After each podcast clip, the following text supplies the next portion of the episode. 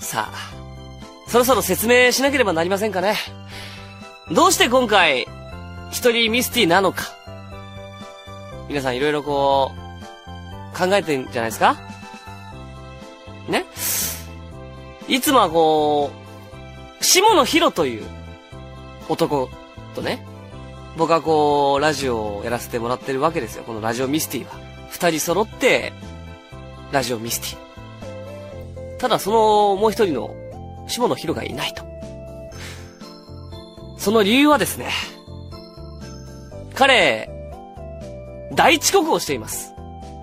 いや、大遅刻というのかなあのまあ、正直に言いますと、えー、前回の収録の時に、収録時間がいつもより3時間ぐらい遅かったんですね。にもかかわらず、妙に早く、いや、勘違いしてたんで、その帝国通り、3時間前、正確に言うと3時間と20分ぐらい前に、彼はついてたのかな。それもまあ、彼の勘違い。そして今回、いつも通りの時間なんです。この間早く来すぎたから、今回ちょうどよく来るのかなと思いきや、その、帝国になっても現れないと。まあ、前回のこともあり、これはきっと、勘違いだな、また。下野博は勘違いする男だから。まあ、それも込みでね、僕らはこう、彼を愛してるわけなんですけども。でもみんなはですね、あの、スタッフさんはですね、いや、多分、この間こう、時間違ったから、その、もうちょっと3時間ぐらい遅い、この間やった時間に来るんじゃないかって言ってたんですよ。まあ、どっちにしろダメなんですけどもね。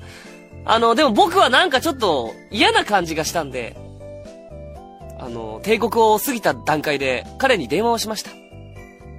すると、あれゆうたどうしたの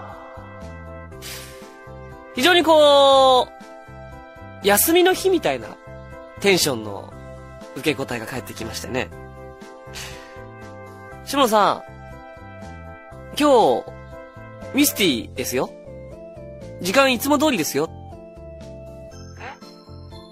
ええ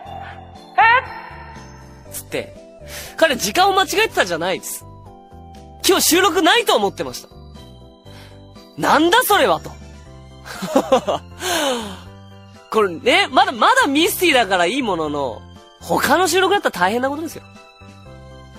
で、今多分大慌てでですね、家を出て、電車に乗り、こちらに向かってるものと思われますが、ちょっと、まあ、結構今近くに着いたということで、先ほど連絡が来たんでね、もうそろそろ入ってくる頃じゃないかなと、思うわけでございますが。おこの足音は、おはようございますおはようございますおーおおはようございます 待ってこの状況が何いやいやいやこ、れ何何何何じゃないです。ちょっと待って何何じゃないちょっと待ってちょっと待ってちょっと待ってじゃないで待っす。てくれ待ってくれごめんごめん本当本当ごめん本当ご めん本当ごめん俺が悪いから本家の鍵チャリチ当ャリしてんじゃないよ。本当じ えええ今これ、回ってますよ。もう回ってますよ。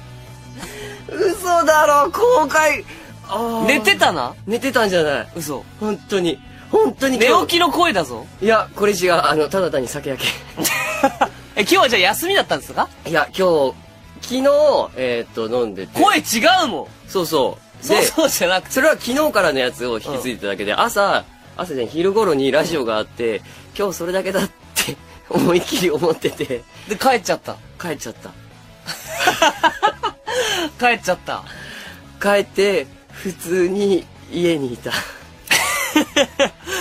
普通に家にいましたよね。普通に家にいた電話しただって、お、どうしたゆう たん。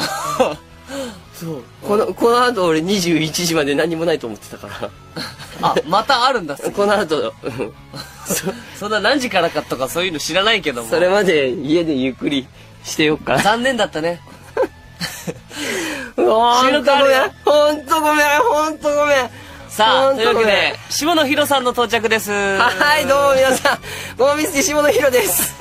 何この状況何何来てすぐですね。何何何あ何あ、そういうことか。ゆうたんから気をつけてってメールが来たけど、何に気をつけんだろうなと思ってたら。いや、それは別。にただ車をですよああ、そうか。車にね、気気ををつつけけてて。。台本は 台本別にそんな台いらないいらない。